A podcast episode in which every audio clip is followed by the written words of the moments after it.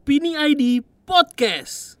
Halo, balik lagi nih di Opini ID Podcast bareng gua Kokok. Bareng gue Bapai. Kali ini nih mau ngobrolin politik, yo. Politik nih ya, sekarang podcast kita Yoi. nih yang pot podcast Gotik. politik nih. gosip politik. Tapi kalau ini bukan gosip nih kok sekarang. Oh, ini beneran ya? Bener, Udah ada ini mau riset. ada Yoi. datanya nih dari kemarin Litbang Kompas udah Iya. ngerilis survei gitu kan pada Iya. tanggal 22 Februari 2019 sampai 5 Maret 2019 gitu. Iya, iya, ya kan. iya, iya. Hasilnya elektabilitas Jokowi Maruf Amin dan Prabowo Sandi semakin tipis. Widih menarik. Gitu ya kan. Semakin ketat nih ya. Iya, kalau misalnya dibandingin sama yang survei di Oktober 2018. Tapi tetap aja menang mulu anjir Jokowi Ya, Maruf memang. Jokowi Maruf Amin itu dia disurvei 49,2 persen, Prabowo Sandi 37,4 persen dan 13,4 persen menyatakan rahasia. rahasia. Oke. Benar.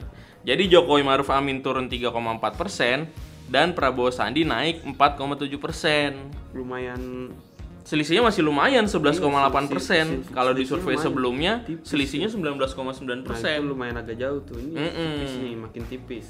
Tapi asumsinya kalau Hmm. misalnya ngelihat datanya kayak gini, Prabowo Sandi tinggal nyari elektabilitas 6% lagi buat ngebalikin posisi jadi runner up, jadi pemenang dari Litbang Kompas. Nah, gitu. Dengan asumsi tidak ada perubahan pada pemilih yang belum menentukan pilihan.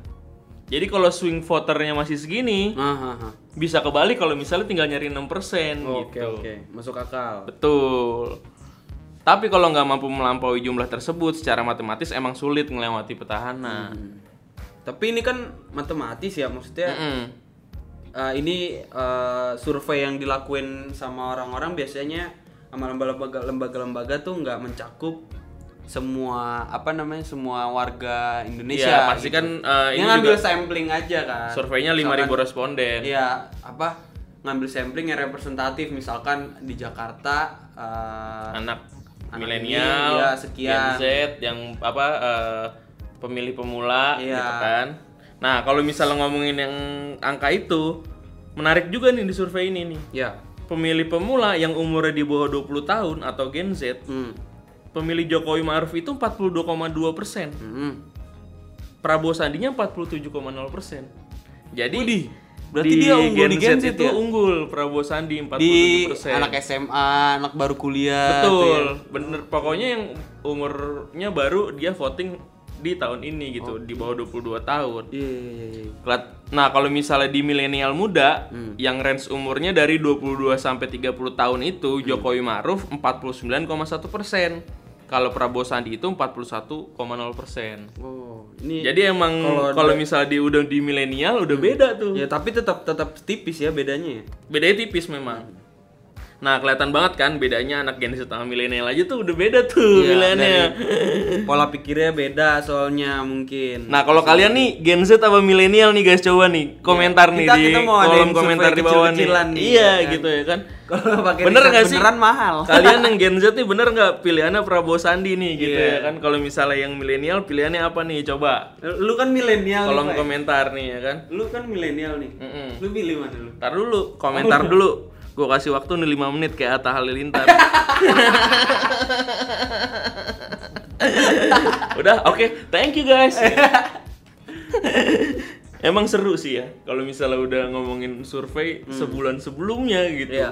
Sebelum pencoblosan. Jadi udah punya gambaran gitu Iya, udah punya masyarakat gambaran. juga Tapi- buat tim ses Ya, tim tapi lagi-lagi yang tadi gue bilang itu semua riset itu cuma panduan aja. panduan bener guidance saja guidance gitu. saja itu nggak eh, nggak 100% benar juga Benar. tapi bisa lu buat kalau reference ah ini mungkin benar nih kayak Nah. prediksi prediksi Ya, kalau misalnya prediksi dari tim TKN sih elektabilitas Jokowi Maruf itu banyak banget hoax-hoax katanya Iya. yang nyerang Jokowi ya, Maruf. Jadi TKN selalu bilang Heeh. Jokowi itu bukan melawan Prabowo tapi melawan hoax melawan hoax gitu ya kan. Karena eh, turun 3% itu disebabkan itu. Iya, oh gitu Asumsinya, eh, analisisnya dari tim TKN. Kalau misalnya kenaikan elektabilitas Prabowo Sandi, mungkin juga pengaruh dari militansi dari kubunya Doi yang emang oke di lapangan. Parah Kalau misalnya klaimnya BPN Iya, gitu iya, ya kan. Karena kan juga cawapresnya Bang Sandi ini kan belusukan kan ke berapa ribu titik Iya. tuh ya kan.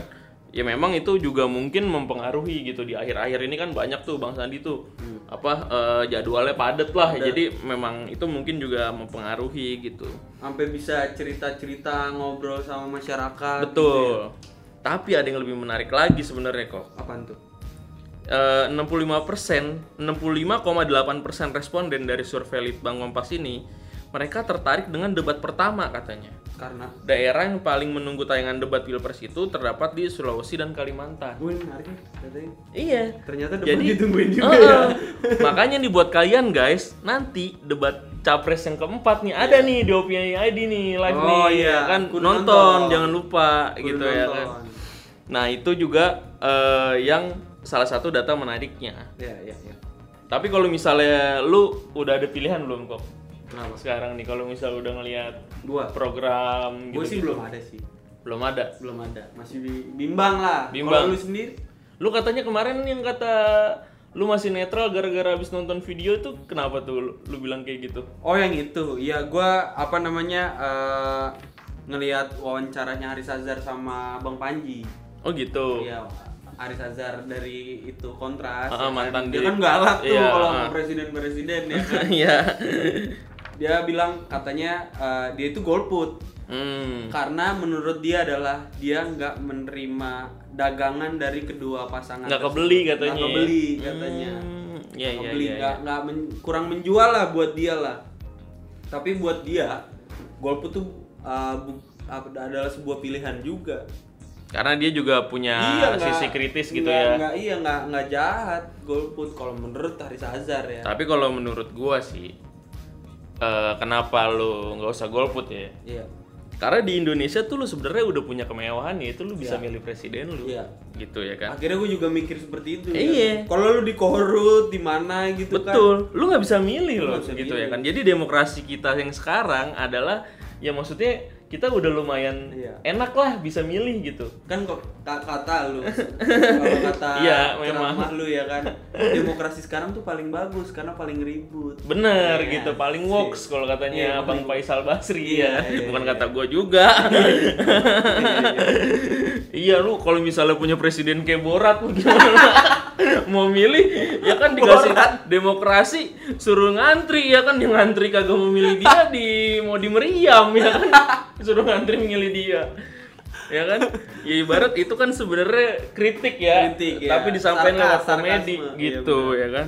Nah jadi temen-temen nih ya kan? Kalau misalnya it- apa eh, pertimbangin itu deh Iya. gitu ya kan? Coba. Kalau misalnya kita tuh memang apa ya kalau ini misal teman-teman yang masih golput ya. Iya maksudnya yang wa- walaupun juga belum nentuin pilihan ya Iya. kita tetap harus milih gitu. Kalau misalnya supaya ya kita punya hak gitu ya kan sayang banget kalau nggak dipakai gitu ya Iya. itu kan? itu sebuah kemewahan yang tadi lu bilang betul benar. gitu ya kan karena lu nggak bisa ngelakuin ini di Korea Utara gitu kan paling lu di anjing Makanya teman-teman kalau misalnya masih juga bingung juga ya kan masih masih pilihannya mau ke mana ke 01 atau 02 nanti nonton lagi debat capres keempat di Iya. opini.id Iya. jangan Yang lupa juga. benar yang kelima juga tapi belum tentuin tanggal Iya. ya kalau misalnya nanti yang debat apa debat cap- capres keempat itu ada di tanggal 30 Maret 2019 hari Sabtu benar ya kan malam mingguannya nobar tuh ya kan debat capres kalau Ya kan? masih bingung juga Heeh. nonton acara temen gua apa Mister Ngehe Iya,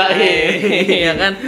Benar, ada nih nanti episode mau keluar unboxing Iya. debat cawapres yang kalau kemarin. bingung tuh lu mau milih mana nih bener apa enggak omongan dari masing-masing Nah. kandidat yang lagi debat nah lu no- nonton tuh bro gua tuh Iya, iya benar. kritis dia Betul. emang orangnya rada-rada gitu sih Norak ya. norak emang anaknya norak sih Ya udah, kuy nonton debat 4 di Opini ID ya tanggal Iya. 30 Maret jangan lupa. Oke, gitu aja opini di podcast kali ini bareng gue Bapai. gua kokok Dah.